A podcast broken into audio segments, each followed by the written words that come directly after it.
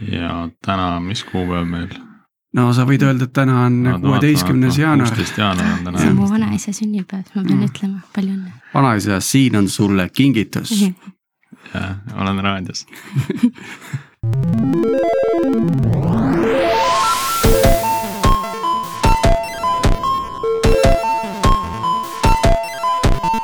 tere tulemast tagasi kuulama järjekordset Algorütmi episoodi. Äh, täna on meil kuueteistkümnes jaanuar. mina olen Priit Liivak Nortalist ja koos minuga stuudios on äh, Tiit Paananen Veriffist. Äh, täna on meil külaliseks Helen Habakuk Amplerist, Amplerist. mul läheb siiamaani sassi, me enne arutasime, kuidas seda ütlema peaks, aga ma ikka ei suuda seda meelde jätta. ja täna räägime siis sellisest huvitavast teemast nagu arendajate teadmised, et kui palju peab üks arendaja siis päriselt teadma igasugustest asjadest äh, erinevaid detaile või kui palju peaks olema neid üld, üldisi teadmisi. Tiit, kuidas sul vahepeal läinud on? Äh, mul on läinud väga põnevalt, et äh, uus aasta viskas kohe uued väljakutsed lauale, et nagu ikka, kuidas teha rohkem, kiiremini ja parema kvaliteediga et paraku on nii, et ei investorid ega kliendid ei, tihtipeale ei saa aru sellest projektijuhtimise kolmnurgast, kus äh, igal ajahetkel on fikseeritud sul skoop, aeg ja ressursid. ja kui samal hetkel küsitakse nende kõigi kolme äh, suurenemist, siis äh, teadupärast on see võimatu ülesanne, nii et läheb sama hooga edasi, millega eelmine aasta lõppes, aga veelgi suuremad väljakutsed ees. kuskil veebis ma olen näinud äh, mäletamist mööda ühte sellist äh, slaiderite kolmikut ka, kus sa saad, mille sa saad siis äh, investoritele ette anda, öelda, et noh, et kui te tahate seda ressursimahtu lohistada, et siis on nagu silmnähtavalt need teised lähevad nagu iseeneslikult nagu allapoole, et nad ei saa nagu kõiki kolme lohistada ülesse et siis annad selle ette ja ütled, et äh, lohistage soovitud positsiooni ja siis äh, saadki mulle pilt tagasi. ja et mul, mul, mind paneb alati imestama, et niivõrd põhimõtteline ja selge printsiip on tihti inimestele arusaamatu. no ühest meie eelmisest episoodist, eelmise aasta episoodist lausa on mulle meelde jäänud sinu kuldsed sõnad, et lihtne, aga keeruline teha et äh, see on üks kindlasti nendest asjadest. ja et äh, põhimõtteliselt kõik need asjad, mis meile tunduvad lihtsad, äh, sisaldavad endas hästi keerukat ehitamist ja, ja mõttetööd, et selleks, et asi saada lihtsaks, on sinna tee keeruline. aga tere, Helen, sullegi. Äkki sa räägid paari sõnaga endast ja, ja sellest, mida teeb Ampler ja mida teed sina seal? no paari sõnaga endast nii palju, et ma alustasin tegelikult, mul on haridus filmikoolist, siis äh, ma lühidalt tegin neljakuuse kursuse arendusest või veebiarenduse baasteadmised omandasin nelja kuuga. kus kohas sa tegid selle kursuse? Äh, Melbourne'is, Austraalias, see oli mingi sihuke koolituskeskus General Assembly. Ja miks sa otsustasid sinna minna? mul oli valida, kas minna Austraaliasse või Londonisse ja ma võtsin siis selle järgi, kus parem surfata on. okei okay,, aga just see motivatsioon, et arendajaks saada? ma olin äh, töötanud Scoros äh, videoprodutsendina ja üldse ma olin äh, palju dokumentaalfilme monteerinud või teinud niisama ning mul oli hüpotees, et arendamine võib olla päris sarnane dokumentaalfilmide monteerimisele ja seal Scoros arendajatega tihedalt koostööd tehes hakkas väga, väga huvitav tunduma see arendusmaailm. ja natuke oli alati probleem ka selles, et kui teha turundusprojekte nagu filmikoolis, siis oli vajaka arendusest, et ei ole mitte ühtegi kontaktigi, et ei tea, kust hakata otsima, et ma tahaks nüüd mingit veebilehte teha oma projekti jaoks. ja suhteliselt hulluks ajas, et nagu mõtlesin, et vähemalt võiksin osata midagi eriti baasi ära teha ise, et ma ei peaks enam jamama nende arendajate otsimisega. selline klassikaline startup case, et endal on vaja ja siis hakkad õppima ja tegema, eks? jah, ja siis näed, kuhu ma jõudsin, nüüd olen neli aastat teinud ikka veel. väga cool mm. -hmm. et jah, igatahes, kui ma selle koolituse olin ära teinud Austraalias, siis tulin Eestisse tagasi. ei arvanud, et ma peaks nüüd arendajaks hakkama, aga kutsuti Pipedrive'i interniks ja seal ma püsisin niimoodi kolm pool aastat ja siis alles hiljuti novembris otsustasin ühineda Ampleri tiimiga. Ampleri tiimiga sellepärast, et see toode on ikka väga äge. Ampler teeb elektrijalgrattaid ja antud hetkel ma pole veel Tallinna linnas jõudnud kusagile üle kümne minutiga, kui ma selle rattaga sõidan. see peaks olema üks, üks ägedamaid elektrirattaid äh, praegu turul, mulle tundub, et selle, see sõidu ulatus on ka vist äh, võrdlemisi märkimisväärne. see sõidu ulatus on seitsekümmend kilomeetrit ja see on täiesti piisav, aastavahetusel ma läksin maale jalgrattaga, noh, Elvasse rongiga ja sealt edasi ükskõik kuhu Lõuna-Eestis jõuad jalgrattaga kohale. ja siis tulin tööle tagasi, meil oli kollektiivpuhkus. ja üleeilsest alates oleme sõitnud iga päev meie Jüri tehasesse jalgrattaga ja tagasi, mis on ka kuusteist kilomeetrit umbes. Et, et ei oska nagu ette kujutada, millal see seitsekümmend peaks täis saama ühe päevaga. tänane teema on meil äh, arendajate teadmiste kohta, et kui palju peab arendaja erinevatel etappidel teadma Äh, sina alustasid äh, disainerina ja ütlesid, et, et sa suutsid nelja kuuga õppida ära kõik selle, mida vaja on, et alustada arendajana. jah, no see oli ka neli kuud esmaspäevast reedeni üheksast viieni, aga hiljem olen aru saanud, et seda oleks saanud teha natukene valutumalt ka, et, et tolleks hetkeks ma juba õppisin asju, mida juunioril ei oleks võib-olla vaja olnud. kui sa nelja kuuga nüüd sealt välja tulid, kas sa siis tundsid ennast kindlalt, et nüüd on, nüüd on nagu hea põhi all, et. Äh, kindlasti mitte, ma proovisin Pipedrive'is äh, intervjuudel, seal oli vast seitse etappi intervjuusid ja igal intervjuul ma proovisin inimestele selgeks teha, et no kindlasti mind ei ole, et palun vabandust, et ma teie aega üldse kulutan, et ma ei oska mitte midagi ja, ja, ja mind kindlasti ei ole vaja tööle võtta hmm. aga räägi sellest, et mulle meeldib su see nii-öelda humble but, but aggressive approach, eks ju, aga räägi sellest, et kas äh, neli kuud eh, esmaspäevast reedeni, kaheksa tundi päevas eh, õppimine veebiarenduses, kas see on seda, kas see on nagu võimalik põhimõtteliselt, kas inimene suudab seda äh, nii lühikese ajaga need põhitööd omandada või? Ma tunnen, et mul oli hiljem ikkagi lihtsalt baasarusaam, kuidas teha HTML, CSS ja mingi väga baas JavaScriptiga valmis selline blogitaoline või mingisugune Instagrami mokk aga päris nagu arusaamine tekkis ikka alles siis, kui ma tööle läksin.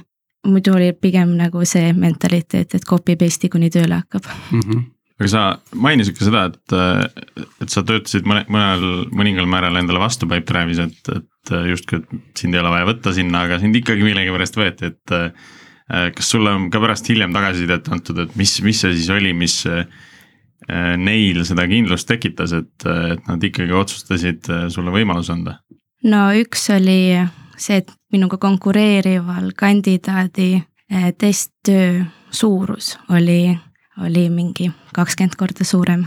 ja teine oli lihtsalt iseloom või noh, nad, ma läksin nagu sõbranna kaudu või sõbranna soovitusel ja, ja selle nad valideerisid kiiresti ära, et minuga on lihtne suhelda ja lihtne koostööd teha ja et ma olen valmis õppima Hmm. Tiit, kuidas äh, sinu kogemus värbamisel näidanud on, et, et äh, kui suur osakaal on sellisel äh, iseloomul ja isikuomadustel äh, siis äh, reaalsete oskustega võrreldes, kui nüüd panna kaalukausile nüüd niimoodi? Ma ei tahaks nüüd öelda, et täitsa üheksakümmend kümme, eks ju, siis iseloomu ja suhtumise. kaheksakümmend kakskümmend äkki. võib-olla kaheksakümmend kakskümmend oleks siin jah sobiv. oluline on see, kuhu tiimi see inimene maandub ja kas sellel tiimil on võimekus seda inimest vastu võtta. isegi kui tal on ainult kaheksakümmend protsenti entusiasmi ja pealehakkamist ja, ja tagasihoidlikku suhtumist omaenda oskuste suhtes versus siis päris oskused kakskümmend protsenti, et äh, teadupärast või noh, klišee, klišeena kõlab, aga, aga palka suhtumist ja, ja õpeta oskused, et äh, ma olen ka rohkem selles parteis. Äh, aga nüüd, kui ma palkaksin esimesi ütleme, kolmandat-neljandat arendajat startup'i, siis ma paraku ei saa minna seda teed pidi. Sest kiirus on seal, noh, me sisuliselt ootame tulemusi juba järgmisel päeval, kui repo access on antud, et. et selles mõttes hästi palju sõltub sellest tiimist, et peab seda konteksti arvesse võtma, aga kui võimalik, siis alati palkan suhtumist.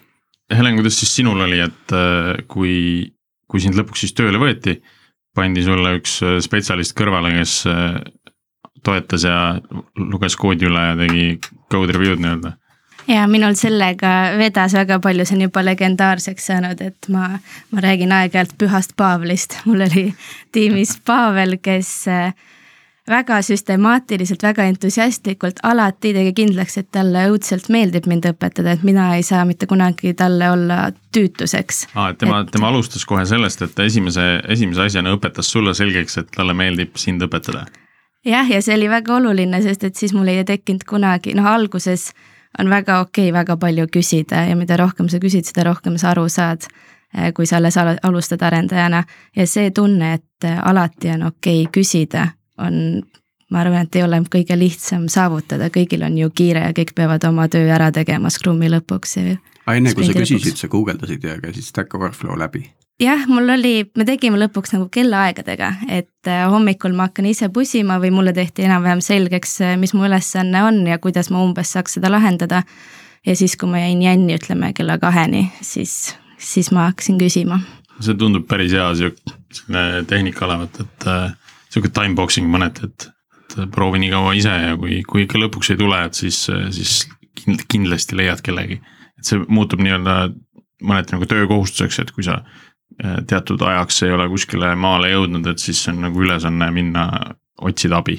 jah yeah. räägi natuke sellest, et või sellest esimesest eduelamusest, mis sa said, kui sa arendama hakkasid Pipedrive'is ma nii täpselt nüüd mingit ülesannet ei mäleta, aga ma mäletan neid esimesi tundeid küll, kui bussid ja bussid ja, ja uurid ja oled kohutavas segaduses, sellepärast et niipea, kui sa ühte kontseptsiooni hakkad uurima, siis avaneb veel kümme laegast, mida sa ei tea, kas sa peaks minema neid uurima või need on täiesti äh, nagu irrelevantsed. aga, aga kõige alguses ikka need, kui lõpuks said midagi tööle, see oli päris hea tunne ja andis äh, pikaks ajaks motivatsiooni juurde aga muidugi siis tuli see Püha Paavali review code review ja, ja, ja sa oled nii kindel, et nii, nüüd ma tegin kõik õigesti ära ja ma ju töötasin, ma töötasin kaks päeva selle nimel, et see mingi modal siit avanema panna sellest nupust. ja siis tuleb see review ja nii suure naeratusega teeb täiesti, täiesti maatasa, maatasa kõik minu need võimalikud lahendused. kui, kui kiiresti sinu jaoks see asi paremaks hakkas minema? nüüd ma mõtlen just code review'de mõttes, kas Mäle. üldse läks äh, Läks, ma mäletan üks hetk, kui, no me tegime kordamööda, et vahepeal me olime ainsad kaks front-end arendajat meie tiimis. ja ma pidin Paavlile ka hakkama vastu tegema review sid, ma arvan, pool aastat pärast seda, kui ma ühinesin.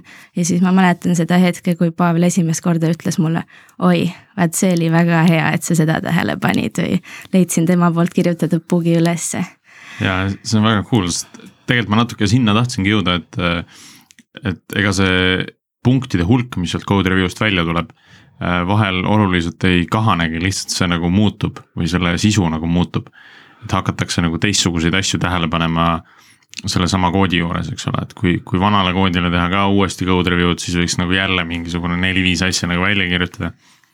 mida võiks teistmoodi hakata tegema, eks, see on selline igavene, igavene improvement või täiendamine, eks ole. ma tahaks veel küsida, et kui sa alustasid, mis oli see koht või valdkond või ülesande osa, mis oli sulle kõige raskem? ma mäletan, oli üks ülesanne, kus ma pidin mingid äh, tooltip'id panema nuppudele külge ja see kasutas mingis legacy koodis all mingit kolmanda osapoole raamatukogu, library. ja, ja nagu selliste asjade ülesleidmine oli hästi raske, et, et kui midagi tuli väljastpoolt või, või tuli üldse globaalse muutujaga, siis see oligi see kõige raskem osa. või noh, võib öelda vanem kood. et äh, vea ülesleidmine võtab äh, kaheksakümmend protsenti ajast ja siis selle ühe rea kirjutamine võtab järgmised kakskümmend, eks. jah, ja siis kirud ennast, et kiiremini ei leidnud üles seda viga. see on, see on tavaline, tihti on see kärsitus justkui peal, et tahaks nagu tegema hakata, tahaks nagu midagi kuskile nagu jõuda juba, eks. Aga see esimene analüüs on, on tegelikult äärmiselt vajalik, et aru saada, kuhu üldse see rida lisada või äh, kus see täiendus teha. mina leidsin eile näiteks äh, Spring Cloud Config serverist ühe bugi.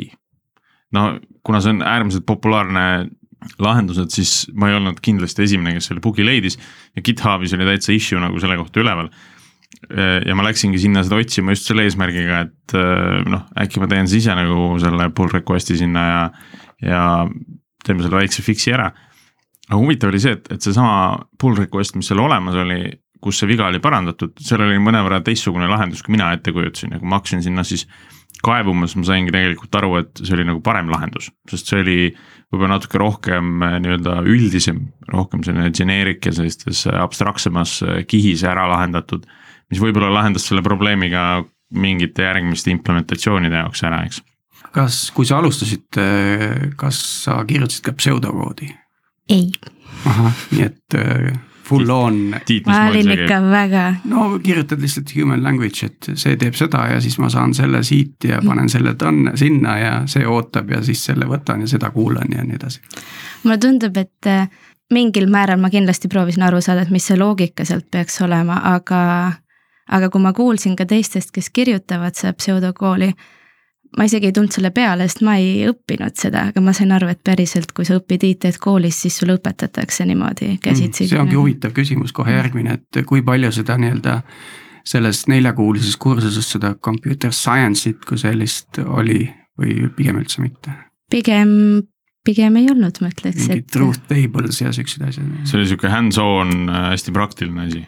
hästi praktiline jah, natuke seletati, kuidas, ma ei tea, DOM töötab, aga aga mhm. üldiselt ei mindud väga spetsiifikasse, sest saadi ka aru, et üheksast viieni üks hetk nagu ka pärast kahte kuud oli juba väga raske uusi teadmisi omandada, sest kõik eelnevad ei olnud veel settinud mm. -hmm. et mm -hmm. siis ei olnud mõtet minna väga süvitsi.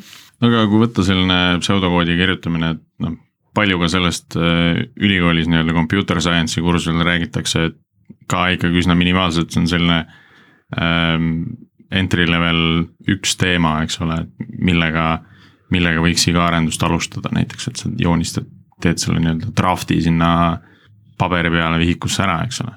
aga samas see on, see on, ma arvan, arendaja toolbox'is üks väga huvitav skill, mida, mida võiks võib-olla kõik rohkem teha, et see ka nendel, kes tulevad äh, päris nagu computer science'it õppimast, äh, tihti ununeb ära, et nad hakkavad ikkagi kohe pihta ja kohe selle koodi, koodi kirjutamisega minema, et enne võib-olla alati põhjalikult läbi mõtlemata, mis need erinevad variandid on kust, kuhu see info liigub. ma arvan, siin on nagu Eesti äh, talurahvas äh, leidnud selle lahenduse, et üheksa korda mõõda ja üks kord lõika, et äh, nii palju, kui ma olen kõrvalt vaadanud tugevate arendajate tööd, siis ettevalmistuse peale kulub ikkagi põhiaeg kas see on, kas see on kuidagi nende nii-öelda käitumismuster, mille nad on omandanud läbi selle siis? ma arvan, et nad on õppinud, et, et nad kulutavad alguses nii palju aega tühja tähe peale, millel ei ole sisulist väärtust.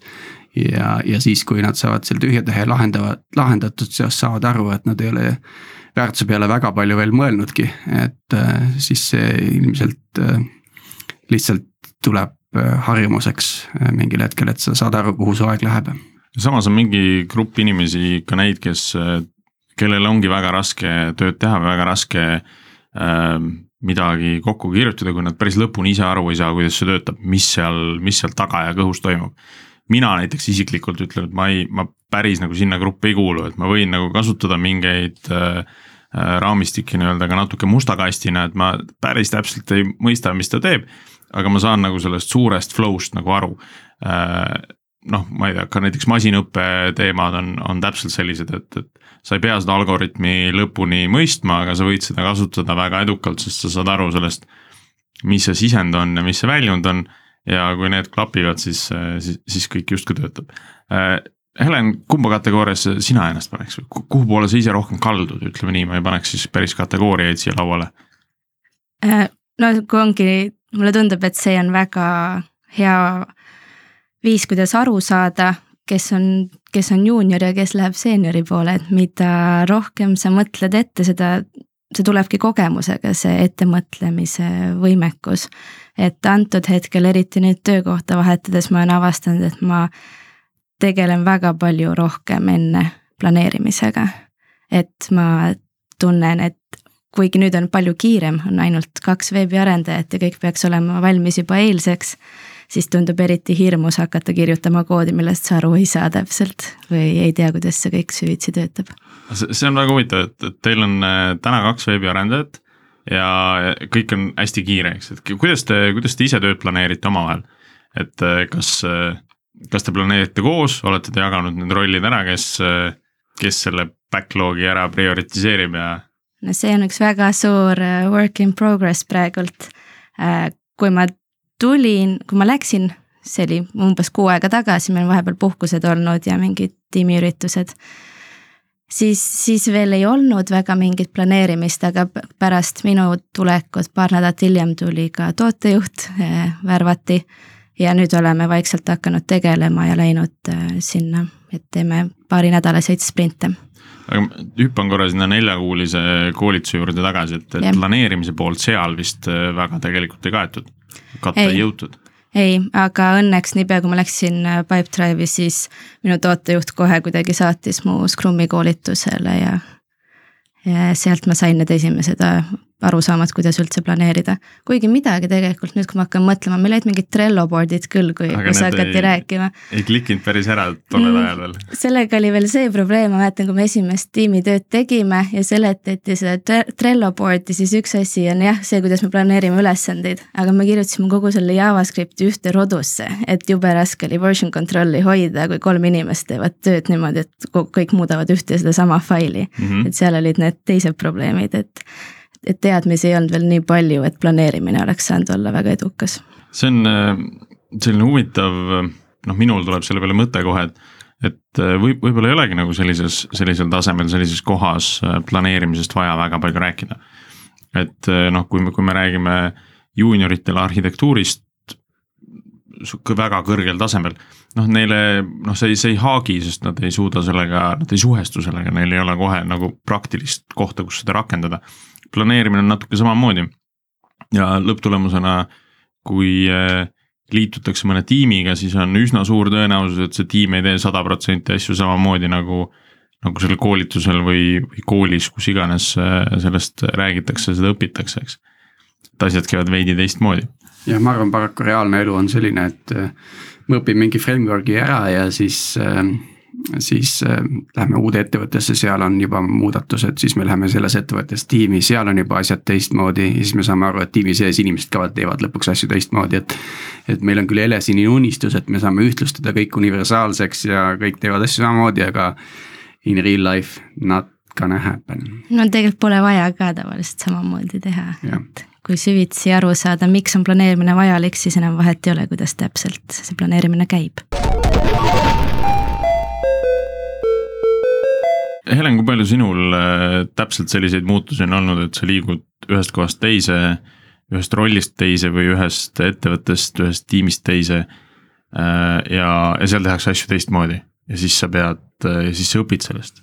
pigem, pigem on olnud, esimeses ettevõttes tehti kindlasti väga teistmoodi kui, kui Pipedrive'is ja Pipedrive'i siseselt ma liikusin ka ja Pipedrive muutus ka. ja kogu aeg pidi õppima oskad sa äkki Pipedrive'ist tuua mõned sellised evolutsioonilised äh, step'id või, või ma just sammud? mõtlesin, et kas teil on nagu puudutatud juba seda missioonide ja, ja launchpad'i teemat? ei ole tegelikult arendusmetoodikatest väga rääkinud, aga lihtsalt äh, ääremärkuse korras, et Pipedrive tegi eelmisel aastal päris olulise muudatuse, kus ta läks äh, nii-öelda komponendi ownership'i põhinevatest tiimidest siis missioonidele, mis on rohkem selline Spotify arendusmudel kus on siis launchpad ja eh, kus istuvad siis eh, arendajad mingi aeg ja teevad, eh, elimineerivad tehnilist võlga ja, ja tehnilist maksu nii-öelda või tax'i. ja siis missioonidele minnakse siis väga fokusseeritult arendama mingit featuuri või teenust. ja Helen, sina olid selle muudatuse ajal seal? olin jah, ja ma olin ka esimesel missioonil. Vau, kas see oli väga valus? see oli see oli päris uskumatu tunne, see oli nii ohtlik, kui suur fookus tuli et äh, sa lähed missioonile, muidu kõik töötasid tiimides, sul on, noh, minul oli päris uus tiim, nii et ma arvan, et mul oli neli toodet äkki. ja, ja kõik teadsid neid tooteid ja siis sa lähed missioonile kus sa pead ainult ühte asja tegema ja sul on neli inimest tiimis kokku ja suhtlus on megakiire, ei pea üldse mingit Jirat täitma, ainult post-it'id ja kõik töötab. ja siis üks hetk saad aru, et sa tõmbad mingi kaheteisttunniseid tööpäevasid lihtsalt sellepärast, et sul on, sul pole, sa ei mäleta, millal sul viimati see fookus nii, nii hea oli. et mitte keegi ei lubatudki häirida missiooni, nagu sa võisid Slacki kinni panna, mitte keegi ei tohtinud küsida sult väliseid küsimusi. et alguses see läks niimoodi, aga aga hiljem harjusid ära kuidagi selle süsteemiga. kuigi, kuigi tõesti fookusele see oli alati parem, lihtsalt õppisid ära, et kui fookus on, see ei tähenda, et sa peaksid nüüd täielikult ainult tunnel visionis istuma. kas see missioon põletab läbi ka inimesi? missioon ise annab palju energiat ja ta ei ta ei põleta läbi, kui ta on edukas ja ta läheb suhteliselt valutult, näiteks ühe missiooni, kõige edukam missioon, kus ma käisin, oli nii, et me panime pundi kokku äh, sõpradest, kes olid varem tiimides koos töötanud või lihtsalt hästi läbi saanud ja sõitsime Sri Lankale kuuks ajaks ja tegime sealt.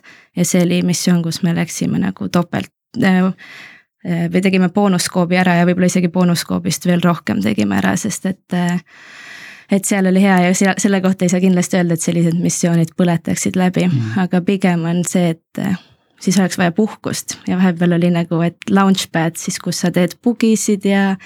ja tegeled selle maintenance'iga, et see oleks nagu natukene puhkuseala, aga tegelikult see launchpad oli pigem selline äh, väga karm koht, tuhat asja töötab ja mm, -hmm. jah minu enda kogemus äh, selliste missioonipõhiste tiimidega, mida, mida meil on ka nüüd äh, Nortalis vist äkki kaks, äh, kes, kes natukene sedamoodi tegutsevad, mitte päriselt sellist Pipedrive'i mudelit tehes, et see launchpad on võib-olla pigem väiksem ja need missioonid pigem tulevad teineteise otsa nii-öelda kiiremini, et, et sellist nagu vaba aega võib-olla ongi vähem.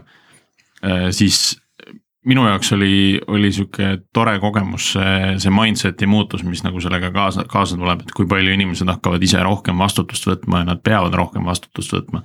sellepärast, et äh, see missioon saab nende omaks, eks. et nad võtavadki selle teema ja nad äh, võtavad selle enda omaks, et nad nüüd äh, viivad selle algusest lõpuni ja lahendavad sellega seotud ka probleemid ära, eks, et see. ma arvan, see on see koht, mis mõnede jaoks võib-olla natukene lisastressi tekitav. just tänu sellele, et, et neil äkitselt on peal vastutus, mida neil varem justkui ei olnud. kuidas see, kuidas seal missioonis oli, kus, kus sina sees olid, et sina ei olnud seal mission lead?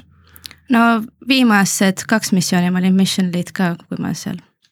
aga siis oli sul juba see missioonide kogemus nii-öelda hõlma all, eks ole? jah, kuigi mission lead'ina tõesti on selline tunne, et, et see on nagu sinu beebi ja sa pead tegema kõik endast oleneva, et mission lead'il on kindlasti raske hoida ennast või pidada piiri. ma mäletan, igal vabal hetkel ikka mõtled või loed juurde, et, et see missioon oleks võimalikult valutu ka su tiimikaaslastele. ja mission lead'il on hästi palju erinevaid ülesandeid, et ei ole ainult mitte arendamine, võib juhtuda, et mission lead on ka kõige tugevam arendaja või kõige suurema teadmisega sellest eh, antud projektist ja siis läheb juba keeruliseks, et sul on arendaja -hmm. kohustused, natuke mentori kohustused, planeerimiskohustused, pead task'e tegema. et mission lead'il oli kindlasti keerulisem, aga samas väga huvitav oli ka. me jõudsime sinna lõpuks, et, et mission lead ikkagi na on natukene erinev äh, kompetents kui see kõige tugevam arendaja oma. et, et äh, täiesti erinevad rollid on just siis nii-öelda see technical lead ja, ja mission lead äh, et mission lead vastutab rohkem sellise protsessi juhtimise eest ja, ja võib-olla ei peagi nii palju äh, siis äh, teisi, teisi mentordama ja selle tehnilise poole eest äh, vastutama. aga kuidas sul selle rolli õppimine läks, et, et kas noh, kui sind, sind pandi nii-öelda sinna mission lead'i rolli või sa võtsid selle mission lead'i rolli pigem, et kas sa tundsid seal nii-öelda sellist abituse tunnet, kas sa, kas sul oli alati keegi võtta kõrvalt, kelle käest nõu küsida ja kelle peale toetuda? no ma võtsin selle missiooni vastu niimoodi, et ma ei teadnud lahendust. ja seal oli üks väga-väga suur, oluline, väike tehniline asi, mis oli vaja ära lahendada, et kuidas mm,. mis, mis oli ise muidu väga lihtne, aga raske teha, ma arvan. jah, just täpselt nii. disainerid ei saanud aru, miks selle peale läheb enamus missiooni aega et, et see põhiabitustunne tekkis, kui on kõik need ülejäänud kohustused ja siis hirm, et äkki me ei lahendagi ära eh, seda, seda, mis hakkab juba vaikselt blokkima kõiki teisi task'e, et proovid planeerida niimoodi, et oleks võimalikult palju aega selle põhitask'iga tegelemiseks, et kõigil oleks alati tööd. aga siis üks hetk, kui sa jõuad sinna punkti poole, et okei okay,, see hakkab nüüd blokkima, nüüd ei saa teised edasi teha, nüüd on nagu üks arendaja, kes saab sellega tegeleda ja ülejäänud peavad lihtsalt istuma kõrval või, või mm. mõtlema midagi välja. kindlasti tuleme selle arendusmetoodikate ja siis selle Pipedrive'i Tribal, Tribe'i äh, metoodika juurde tagasi siin saates tulevikus, aga lõpetaks selle teema selle küsimusega, et ma saan aru, et see traibidesse jagunemine tõi kaasa ka selle, et selline traditsiooniline line management kadus justkui ära. ja siis oli lahendusena pakutud, et tuuakse sellised people coach'id äh, sisse, et kas see oli ja kas see töötas? Äh, jah, minul, äh, mina ka võtsin, no sa võisid ise valida, kas sa tahad või ei taha, et lihtsalt paned one on one'i coach'iga ja lähed, räägid end tühjaks, kui mingid jamad on. ja ma ütleks, et osaliselt see kindlasti töötas ja oli väga tore arutada mingisuguse kolmanda osapoolega. ja see oli rohkem nagu peegli formaadis, et tihti oligi niimoodi, et ma istun seal ja lõpuks ainult mina räägingi ja ma vastan iseendale ja siis sa vaatad niimoodi selle coach'i pilgust, et kas ta praegult naeratab või ta nagu kahtleb ja siis sa saad ise ka aru, et kas sa teed midagi valesti või, või mis oleks õigem.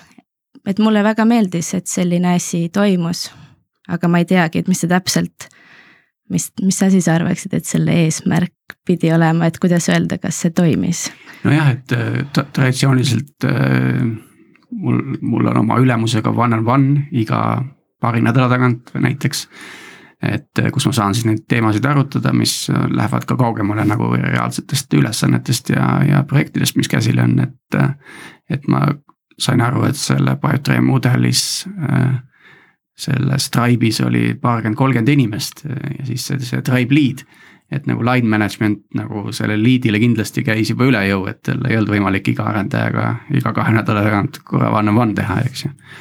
et, et siis ehm, noh, targad inimesed tihti vajavadki vähem eh, juhtimist, eks ju et äh, aga, et äh, kuidas see people coach äh, funktsioon seal päriselt käima läks, et sellest mul tegelikult, sellepärast ma seda küsisingi.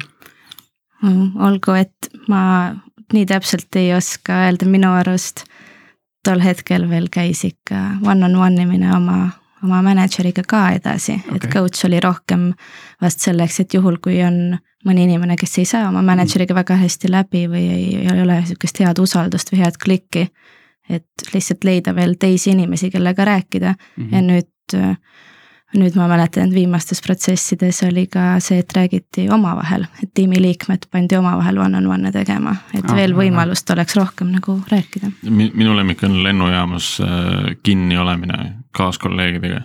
kui lend hilineb, siis on nagu täpselt see kaks või kolm tundi nagu laiutad käsi seal lounge'is ja midagi teha ei ole, et siis, siis on väga hea sellist Äh, coaching'u stiilis äh, koosolekut teha mm.. aga kui nüüd, äh, kui nüüd sul tuli nagu ütleme, seesama mission lead'i roll juurde, sa pidid õppima hästi palju uusi oskusi, kas sul seda hirmu ei olnud, et et nüüd ma tegelen selle asjaga ja ma ei saagi enda neid arenduse, arenduse skill'e edasi arendada, edasi õppida, et noh. kuskil on ju mingid ajalised raamid, eks ole. seda hirmu ei olnud, aga, aga mis hakkas juhtuma, oli see, et fookus kadus jälle ära või ei osanud nagu süsteemselt elada, endale isiklikke eesmärke enam püstitada. et, et see pilk nagu keerati rohkem sinna mission lead'i peale ja fookus nagu just arenduse poole pealt äh, hajus natukene silmas? mitte ainult arenduse poolelt, vaid üldiselt tekkis segadus, et kes ma nüüd olen kas ma olen arendaja, kas ma olen mission lead, kui mul on kodus vaba aega, ma tahan midagi õppida, kas ma peaks nüüd õppima mm -hmm. tiim lead imise meetodeid või ma peaks selle viimase JavaScripti uuendused läbi vaatama. ja tekkis tunne, et peaks kõike, absoluutselt kõike tegema mm. -hmm. kuidas sa selle, kuidas sa sellele siis lahenduse lõpuks leidsid, mida sa siis tegid? ma läksin ära okay.. noh, ma, ma tunnen, et mul oleks tol hetkel olnud tarvis täpselt mingit mõttepausi, et äh, korraks eemale tõmmata, sest et nii, niipea kui sa läksid äh, kontori uksest sisse, olles seal mõnda aega olnud ka, tead nii palju probleeme, nii palju erinevaid variante on, kõikidel probleemidel on kuidagi lahendused olemas. Ja, ja ma tundsin, et mu mõtted olid väga ebaselged, et ma ei suutnud aru saada ja prioritiseerida enda jaoks. kui sa nüüd Pipedrive'is alustasid ja, ja hakkasid äh, kõvasti arendama, siis mingil hetkel saabus see koht, kus sa nii-öelda äh, juunior sõna sinu tiitlist kukkus ära, et äh, mis olid need eeldused selleks, et see juhtuks? no eeldus oli, ma, ma tean, et seda seletati ka ajaliselt, et kui palju sa vajad teiste aega et mida rohkem ma tegin iseseisvalt ülesandeid, see näitas, et ma saan nüüd ise hakkama selle koodibaasiga, mis meil on. ja ühtlasi oli mingisugune ajaline määratlus ka, et äh, vähemalt aasta võiksid olla arendanud, enne kui. kas see sellist äh, vastupidist efekti ei tekitanud, kus inimesed hakkasid nii-öelda seda ähm, protsessi siis game ima või, või cheat ima veidi, et et küsivadki vähem, sellepärast et nad tahavad näida iseseisvamad, kui nad tegelikult on. aga siis sul ei tule tulemusi tõenäoliselt. tõsi küll, jah. ma arvan, et iga tiimijuht saab ikkagi, hammustab läbi selle tegelikult mingil hetkel. ja see ei olnud nii teada nagu, et ei kuulutatud, et kes ja, tahab saada mid-leveliks, ärge küsige nii palju, et. okei, ja kui sa nüüd, kui nüüd ühel hetkel äh, sellest juunior tiitlist vabanesid või juunior sildist vabanesid siis tegelikult ju mina näen, et sellel hetkel on arendajal hästi palju uksi, mida avada. no kasvõi näiteks võtame sellesama mission lead'i rolli, äh, samamoodi siis ähm, sina alustasid front-end arendajana, eks ole. just. noh, et kuhu sealt edasi minna, et kas sinna võtta, ma ei tea, back-end arendus juurde, hakata nii-öelda full stack arendajaks, äh, liikuda sellise senior spetsialisti arhitekti suunal või või liikudagi sinna mission lead'i suunal, et äh, et neid uksi on, on, on väga palju, et kas sina üldse tajusid äh, sellel hetkel sellist äh, valikute paljusust või see on nagu mingi asi, mis kuidagi hiljem nagu paistab välja? no esialgu tundus, et arendaja karjääriredel on ikka väga selline juunior, mid-level, seenior ja siis vaatad edasi, et seenior on ka vajalik. aga hiljem, kui oli aru saada, kui palju ikka need seeniorid teavad ja mis minu enda tugevused on, mis on ka osaliselt selline suhtlemine ja, ja pikemate plaanide et just inimeste valdkonnas ja hoidmine kuidagi eh, inimeste sellise atmosfääri või tiimi atmosfääri eh, lõbus hoidmised mm -hmm. ja sellised asjad et siis ma hakkasin mõtlema, ma kandideerisin tegelikult näiteks tootejuhiks ka aga, aga viimasel hetkel otsustasin, et ma ei ole arendaja piisavalt kaua veel olnud, et ma tahan seda teed edasi minna. aga siis ma hakkasin natuke viljelema sellist entrepreneurship'i, et me ühe seenior arenduse, arendajaga koos hakkasime tegema arenduskoolitust Pipedrive'i siseselt. et mm -hmm. disaineritel oli vajadus, disainerid oleksid võinud äh, prototüüpida juba Reactis ja, ja siis me iga neljapäev neli tundi istusime ja proovisime kõik disainerid saada nii kaugele, et nad enam-vähem oskaksid JavaScripti kirjutada. kas sellega ei tekkinud neid äh, täiendavaid asju, mida õppida, et kuidas siis kõige parem on õpetada? see võib-olla, see, see ei olnud nii oluline. see tuli kuidagi loomulikult. see tuli päris loomulikult, et oli näha, et lihtsalt inimestel oli vaja tuge ja struktuuri ja see oli päris lihtne asi mõnes mõttes, mida pakkuda mm. -hmm. aga jah, see oli ja sealt edasi ma hakkasin mõtlema, et ma tahaks kindlasti veel tegeleda õpetamisega. et kuhu edasi, aga ma ütlen, et mul ikka veel ei ole täiesti kindel arusaam, kuhu saab nagu mid-level arendajast minna et äh, kui sa ütlesid, et, et sa said aru, et sa tahad, sa pole piisavalt kaua arendaja rollis mm -hmm. olnud, et sa tahad nagu veel seda teha. Äh, kas sul tänaseks on mingisugune pilt, et äh, kuhu suunas sa tahaksid veel seda teha? Et kas see ongi rohkem äh, back-end arendusse minna, äh, täna ka ju äh, arendaja vastutuse hulgas on, on väga palju erinevaid asju, kuni operations'i monitooringuni välja, eks ole. Jah, seda ma jälgisin, mida teised teevad ka ja paljudel oligi nii, et front-end'ist juba sa saad väga hea ülevaate, kui väga hea ülevaade on front-end'ist olemas siis mindigi back-end'i ja hakati full stack'iks, see oli hästi-hästi tihti juhtus inimestega nii. ja ma proovisin ka päris mitu aastat, et nii, nüüd ma võtan ainult back-end task'e.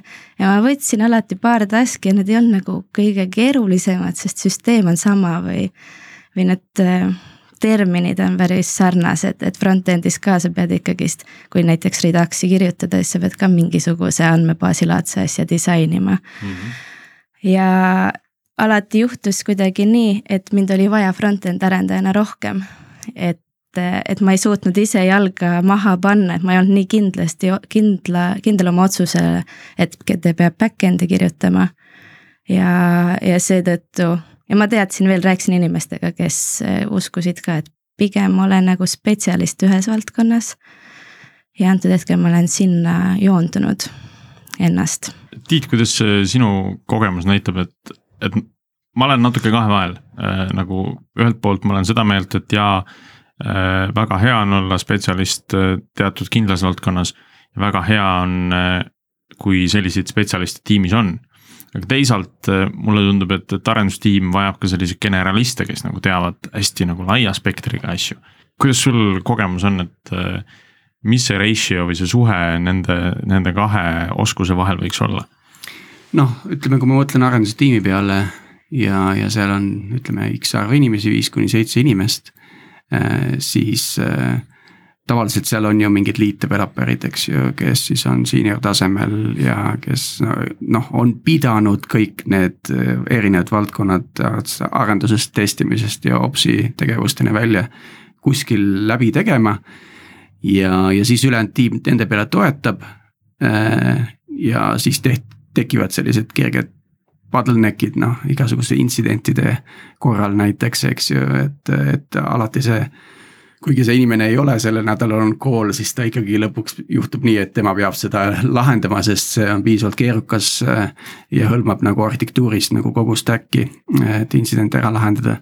et äh, ma, äh, mul ei ole seisukohta selles suhtes, et kui palju peaks olema inimesi, kes on selge fookusega versus laia haardega et... aga see ei peaks olema tiimis üks inimene, kes on laia haardega seepärast, et noh, muidu on kohe bottleneck situation, eks ju.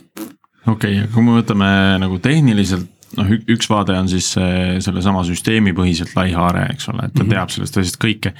aga kui me võtame ka tehniliselt laia haarde, et noh, inimesed, kes kes teavadki rohkem võib-olla, ma ei tea, dokumendibaasidest, AWS-ist, Google'i pilvest, samal ajal kui kogu see süsteem kasutab võib-olla äh, mingit on-premise äh, majutust ja relatsioonilisi baase, et noh, et neil on mingid teadmised valdkondadest, äh, mida üldse justkui antud projektis vaja ei lähe, aga, aga need kindlasti toetavad nagu teatud, teatud valikuid ja otsuseid. ma arvan, et tiimid äh, orgaaniliselt arenevad selles suunas, et nad ikkagi üsna kiiresti otsustavad selle oma konteksti ära ja siis, kui sinna tuuakse mingeid muid komponente, muid platvorme, kus nad neid asju run ivad, siis nad teevad teadliku otsuse, et nüüd me viime ennast kurssi sellega. et, et ega ükski tiim ei taha ju ebaefektiivselt aega kulutada asjade õppimisele, mida nad ise ei kasuta, eks ju, et. aga kui me võtame spetsialisti rolli, siis millised on need valdkonnad, mille jaoks ühes tiimis peaks olema sihuke spetsiali-, spetsialiseerunud arendaja sees.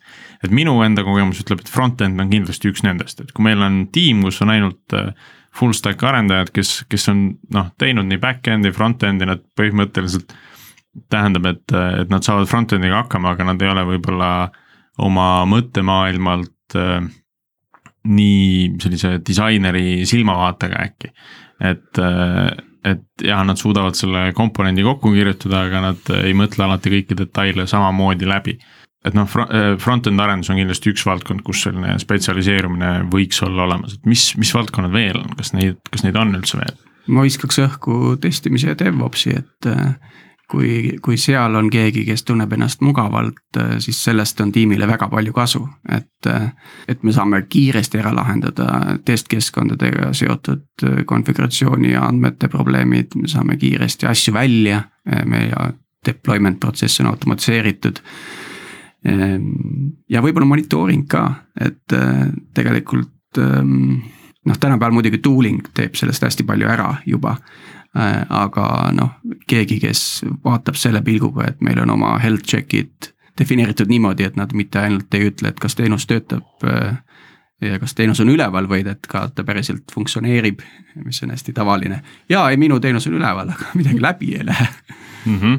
kas see, samas see tekitab jälle sellise teatava hapra pudelikaela, et äh, kui see üks spetsialist parasjagu äh, läheb puhkusele siis, äh, siis tegelikult võib olla, et need teemad jäävad seisma. aa, selle kohta mul on hea nipp, mis Pipedrive'is töötas jube hästi ja loodetavasti töötab ka Veriffis täna.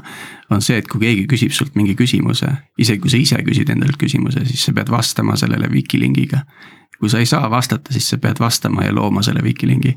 et järgmise küsimus äh, oleks, sellele vastus oleks juba dokumenteeritud. jaa, see, see on päris hea nipp päris nipp, täna näiteks ma näen äh, mõningates tiimides on noh, just näiteks operations ja monitooringu poole peal on see teema, et, et on mingid inimesed, kes on võib-olla natuke rohkem sellele spetsialiseerunud, kelle, kelle jaoks ongi mugav seda äh, Grafanat seal ümber konfida või neid Prometheuse päringuid kirjutada. et ja teised võib-olla saavad ka sellega hakkama, kui nad võtaks vaevaks ja selle ära õpiks ja, ja sellega tegeleks, aga neil läheb kindlasti selle jaoks äh, oluliselt rohkem aega kui, kui sellele inimesele, kes, kes põhimõtteliselt une pealt neid Prometheuse päringuid sinna oskab kirjutada, eks. noh, selle, selles mõttes see on alati jälle selline trade-off'i koht, et eh, kui palju ja milliseid spetsialiste ühte tiimi panna, eks ole. aga küsime Helenilt, et eh, mis eh, lisaks arendus, arendusele ja koodi kirjutamisele, mis on need valdkonnad, mis sinule tulid nagu, et nüüd ma pean hakkama sinna vaatama, juurde õppima? testimised olid testide kirjutamine. Äh, disainist pidi teadma mingit baasi a la grididele kirjuta-, koodi kirjutamine. pane veel vastuse variante. ja DevOpsi maailm ja deployment, seal oli vist päris kõva tugi olemas. Deployment'is oli kõva tugi olemas ja üldiselt see logimine oli ka niimoodi, et äh, said aru, milline test fail'is ja said noh, testi hakata siis uurima, et kas see oli sinu süül või, või mingi keskkonna süül et neid asju ei pidanud tegema. Aga ma ei tea, staatiline koodi analüüs, vulnerability analüüs? ei. et kõige jaoks oli kuskil olemas, olemas inimene, kes, kes selle asjaga tegeles, et Just. kas, kas võib-olla siis, mida suuremaks kasvab see tiim, seda, seda rohkem ka tekib sellist äh, turvavõrku nii-öelda, kes mingid sellised teemad ära lahendab, eks äh,? jah, ja, ja nii on päris hea kirjutada, kui sa tead, et sa ei saa teadmatusest tuua maha tervet Pipedrive'i mm -hmm. suurt tarkvara. aga nüüd äh, me siin natukene mõne lausega oleme juba puudutanud, kas pead kõigest teadma natukene või ühest palju, et ma saan aru, et sina oled võtnud praegu fookuse ikkagi süvendada oma teadmisi nagu ühes valdkonnas arendajana. jah, aga jällegist vaadata, millisesse konteksti ma olen ennast pannud, mis hetkel, et Pipedrive'is see pidas vett, see andis mingisugusegi fookuse tööle ja, ja mingi ekspertiisi, et mulle tundus, et ma olen vajalikum Pipedrive'ile spetsialistina tol hetkel. et kuna ma olin kaua olnud, siis ma teadsin nagu seda koodibaasi ka palju, mida oli vaja. aga nüüd Ampleris ma tunnen, et et seal võib olla vaja natuke rohkem, et ma teaksin üldiselt kõigest kõike, et kui üks arendaja läheb puhkusele, siis vähemalt teine saab kõik ära teha. et mm -hmm. natuke vajaduspõhiselt vaadata. et seal seda turvavõrku nii-öelda on vähem, kuna, kuna inimesi on loomulikult vähem. just, ja, ja nüüd kindlasti tuleb uus etapp, kus ma pean kõiki neid teisi valdkondi ka õppima. et ühesõnaga, seni sa oled saanud äh, hea põhja front-end arenduses ja täna sa oled nagu kohas, kus sa Äh, pead ka hoopis laiemat äh, spektrit äh, teemadest hakkama vaatama? Ma olen täna kohas, kus mind värvati, sest et mul on hea põhi või väga tugev front-end arendaja põhi. ja, ja ma antud hetkel ka tegelen ainult süvitsi front-end'iga ja selle kirjutamisega, aga aga lihtsalt ma näen juba tulevikus, et tulevikus on mul tarvis siis laiendada, et ma ei saa, tulevikus pole mind firmale vaja ainult spetsialistina, vaid oleks rohkem mm -hmm. tarvis sihukese üldpildiga inimest. sest tegelikult on vist äh, päris nii, et äh, alguses ongi hästi raske sellist laia, laia põhja või laia profiili endale saavutada. et äh, sellest on hästi vähe kasu, kui, kui arendaja oskab kirjutada hello world'i äh,, ma ei tea, Ansible'is äh,, JavaScriptis, Javas ja Ruby's on ju, noh et, et see on küll nagu tore, kui ta, kui ta on näinud, kuidas erinevad keeled ja erinevad äh, raamistikud võib-olla selles mõttes töötavad aga kuskil nagu võiks see spetsialiseerumine olla ka, eks, et see üldpildi teadmine tuleb just äh, hilisemas, hilisemal äh, tasemel. kus võib-olla ollaksegi sellises äh, nii-öelda mission lead'i rollis näiteks, kus on vaja kogu ülejäänud tiimi suunata ja, ja visata õhku neid mõtteid, et kuulge, äkki me võtaks hoopis selle siia sisse või prooviks nagu sellega seda probleemi lahendada. et, et oleks vähem neid nii-öelda vastu seina sõitmisi, kus, kus pead laiutama käsi ja ütlema, et noh, ma enam, ma enam tõesti ei tea, kuhu nüüd siit edasi minna, eks või kuidas seda probleemi lahendada? no sa oled JavaScripti taustaga, eks ju yeah.. ja kas sa, kas sa oled nagu vaadanud ka teistesse keeltesse? kui palju sellist või, või mis on need kohad, see hetk, kus sa vaatad, oota, seda peaks tegema teises kohas teistmoodi, teise keelega? ma ikka tahan öelda, et ma olen väga noor arendaja või kolme-nelja-aastase kogemusega, aga ma olen äh, vaadanud, noh koolis õpit-, õpetati Rubyt, mida ei ole hiljem olnud äh, tarvis. aga on olnud tarvis PHP-d, aga ma ei ole nagu leidnud seda kohta, kus mul oleks tarvis mingit teist keelt õppida, mulle väga meeldib JavaScript ja antud hetkel mul ei ole tulnud pähe, millises valdkonnas, aga ma usun, et tulevikus kindlasti võib äh, juhtuda, kui mu kui ma muutun just üldisemaks arendajaks. Mhm. aga TypeScript? aa, ah, TypeScript jah, olen läks meelest mm. -hmm. JavaScriptis ka on ju mustmiljon erinevat äh, väikest teeki ja raamistikku ja äh, kuidas sa kõige sellega ennast kursis hoiad? ja need kõige hullem on veel need, et on veel see, et need tulevad ja lähevad, eks? Need on ka kuidagi vajaduspõhiselt et ma ei arva, et ma peaksin hakkama nüüd, kui tuleb välja, et ma ei tea, Vue on parem kui React, et kas ma peaks hakkama nüüd kõik ümber kirjutama, kindlasti mitte. et selles suhtes ei ole tarvis kõike nagu spetsialistina teada, aga, aga väiksed, ma ei tea, CSS-i uued library'd, põhimõtteliselt iga kord, kui on uus äh, projekt või uus võimalus midagi alustada, siis ma vaatan üle, mis praegult turul toimub ja hindan kõikvõimalikud need pakid üle ja valin endale kõige sobivamad. aga pigem ikkagi sellel hetkel, kui, kui seda valikut on äh, vaja teha, mitte siis, kui seda valikut saab teha. ehk siis, kui, kui hakatakse midagi uut piht-, uuega pihta ja justkui, justkui tuleks midagi valida. ma hoian silma peal teatud uuendustel, noh JavaScriptis, mis on võimalik teha enne, kui päriselt seda toetatakse või mis seal äh, stage kahes praegult toimub. et selliseid asju küll, aga üldiselt mul on kuidagi üldse selle info üleküllusega tekkinud selline, et ma lasen inimlikul filtril tulla peale.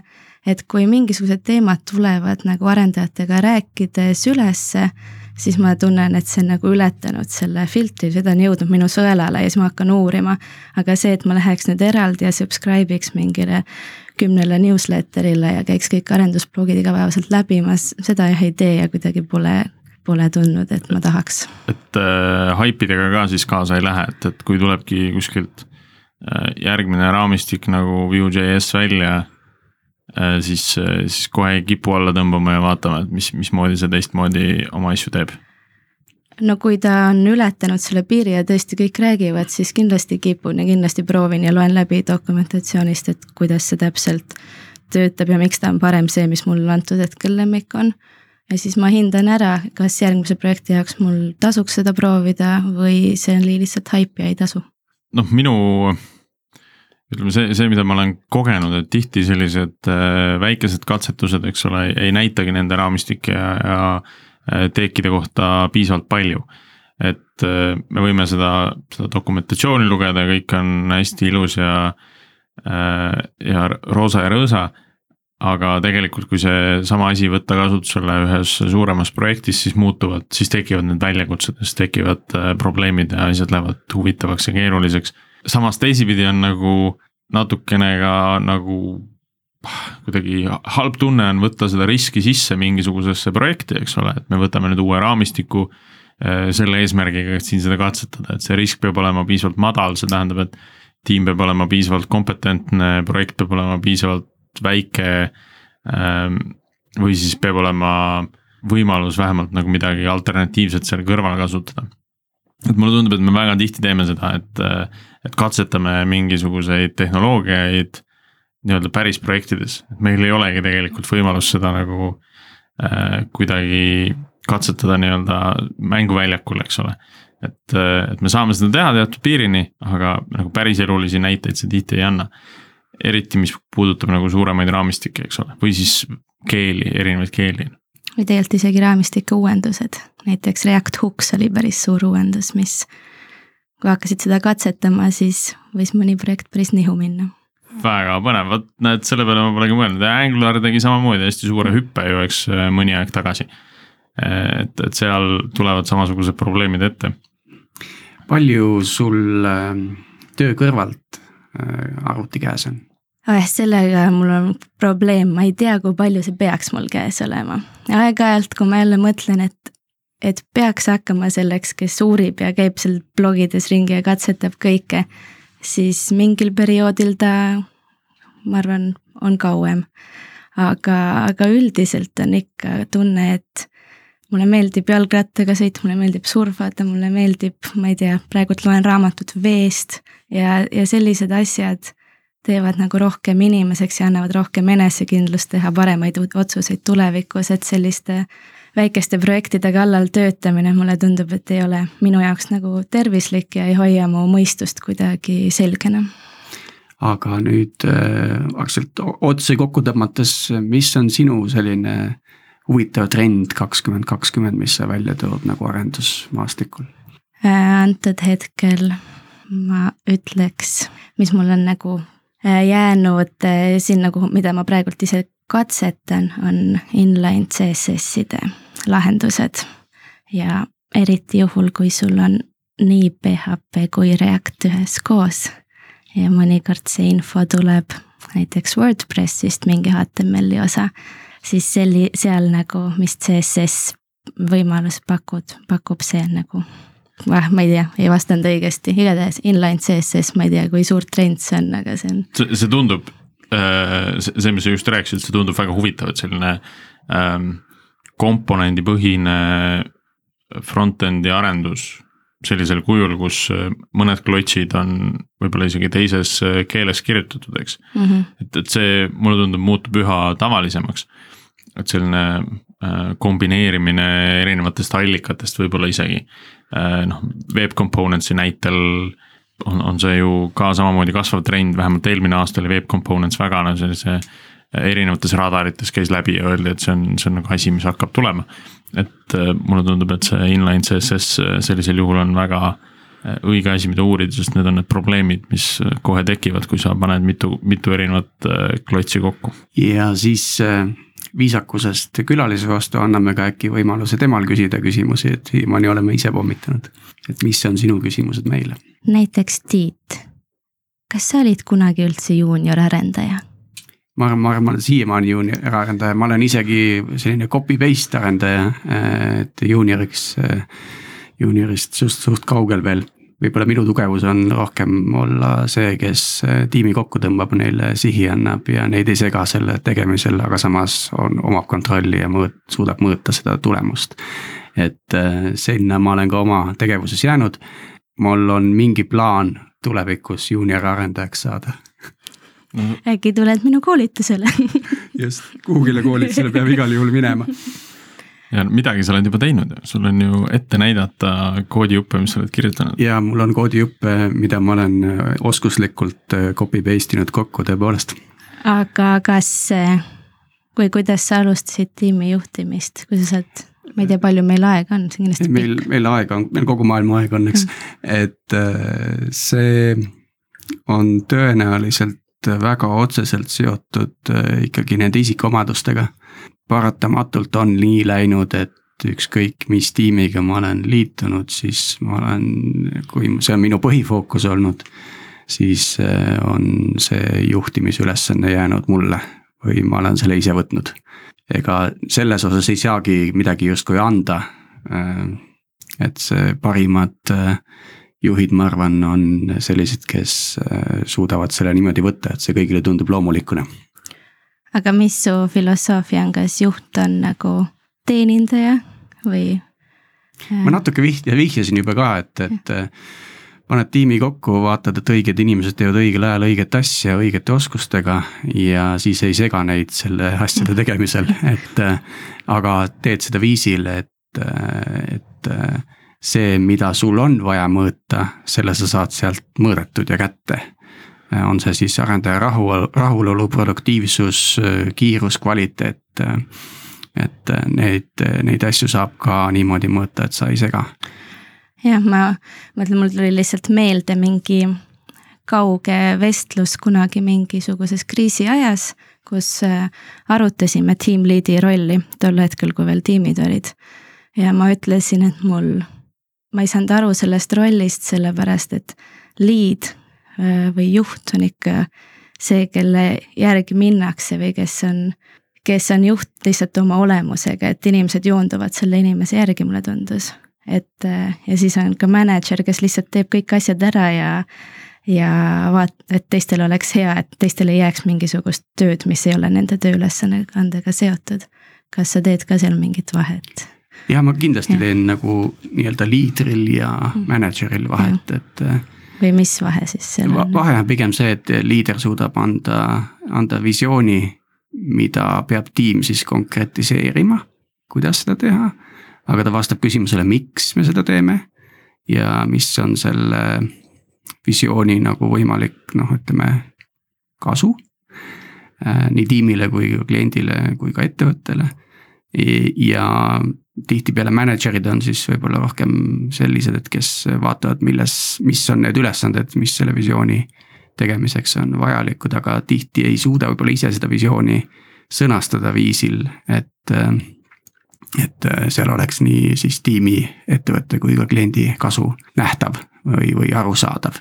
on väga häid mänedžere, administraatoreid, tihtipeale seal võib-olla see inimlik pool jääb protsessi ja mõõtmise varju.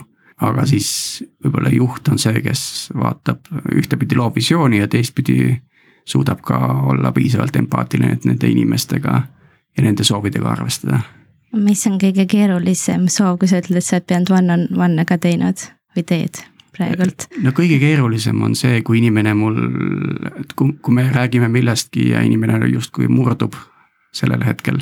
ütleme, ei kontrolli enam oma käitumist. Ütleme nii, et see on no. väga keeruline keeruline hetk, ühtepidi on see väga hea, seepärast et sellest, sealt saab ju tegelikult edasi minna, kui see murdumine on nagu toimunud.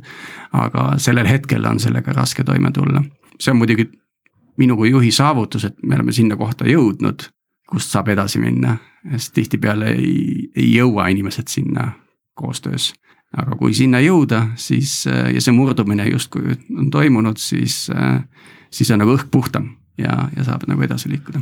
jah, mulle tundub, et sa tegid minu jaoks praegu midagi väga hästi selgeks, et kui kui hinnata, kas mu juht on pigem nagu mänedžer või pigem nagu tõesti juht, siis, siis ongi see one-on-one'ide sisu, et kas ta on nii nagu isiklik, emotsionaalne, et sa murdud seal või see one-on-one'i sisu ongi, et mis ja. ma eile tegin ja mis ma järgmine nädal teen no just, nagu, et jah ja. ja.. enamus one-on-one'e paraku on jah sellised, aga, aga ega iga one-on-one ei saagi olla see, kus sa pidevalt murdud, et, et kuhugi peab ehitama ka. väga raske teha neid. see oleks natuke jah aga väga, väga kaugele jõudsime sellest küsimusest, et kas sa oled kunagi juunior olnud, ma proovin Priiduga sama.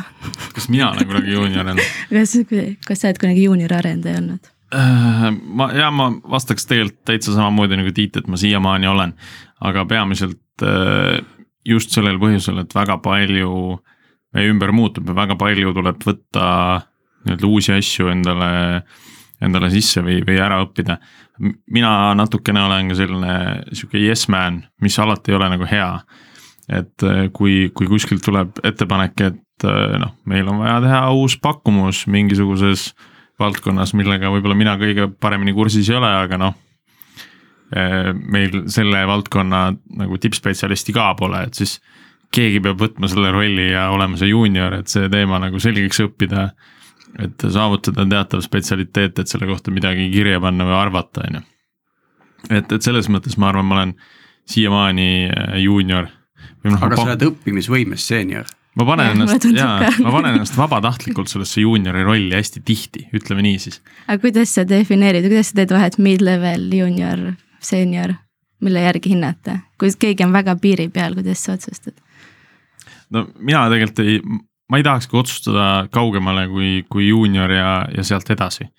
sest mulle tundub, et, et äh, kui ühel hetkel see juuniori silt ära võtta, inimene muutub äh, iseseisvaks, eks ta saab iseenda asjadega hakkama, äh, siis, siis sealt edasi tulevadki sellised erinevad, erinevad oskused, olgu need siis isikuomadustest tulenevad või kuidagi mingid spetsialiteedid, mis on ära õpitud, et kas keegi on turvateemades osavam või front-end'is osavam või et ja, ja siis on, et kui sügavale ta selles läheb. et see on nagu selline keeruline kompetentsi maatriks, et inimene võib olla äh, security teemades seenior, aga, aga samas äh, võib-olla sellist tavapärast back-end arendust nagu noh, nii ta ei ole selles valdkonnas seenior, eks, et ta ei mhm. suudaks REST API-t disainida sama hästi, kui ta suudab nagu äh, security't äh, näiteks testida. et noh, need on need erinevad kompetentsid, mis seal nagu tulevad ja et seda peab vaatama ikkagi kuidagi komplekssemalt natukene, et ma selline, et kui me juba ütleme kellelegi ära, et ta on seenior arendaja, siis me seame teatud ootused. teatud eeldused tekivad, et ta justkui teab kõigest kõike. tegelikult see nii ei ole, eks. aga mis on sul kõige miinimumpiir, kuidas sa värbaksid eh, entry levelilt kedagi? Aa, entry level, entry levelil on äh, kindlasti on seesama suhtumine on, on tegelikult ülitähtis seal on. aga midagi ta peab ju teadma ka. midagi ta peab, no sõltub tegelikult äh, kuhu rolli võetakse või millisesse tiimi võetakse, et kui see tiim on tugev, siis ta võib-olla peab ise vähem teadma. ja minu jaoks on väga hea meetrika see, kui palju inimene ise on äh, juurde õppinud. Äh, ja sihuke punane lipp ja ohumärk on alati see, kui, kui tuleb inimene ülikoolist ja ütleb, et näed, noh, et ma ei olegi muud õppinud, et ma olen need koolitööd ära teinud, mis mulle antakse ja ma tegelikult nagu noh, ise ühtegi õppekava välist asja nagu endale juurde kuskilt õppinud ei ole.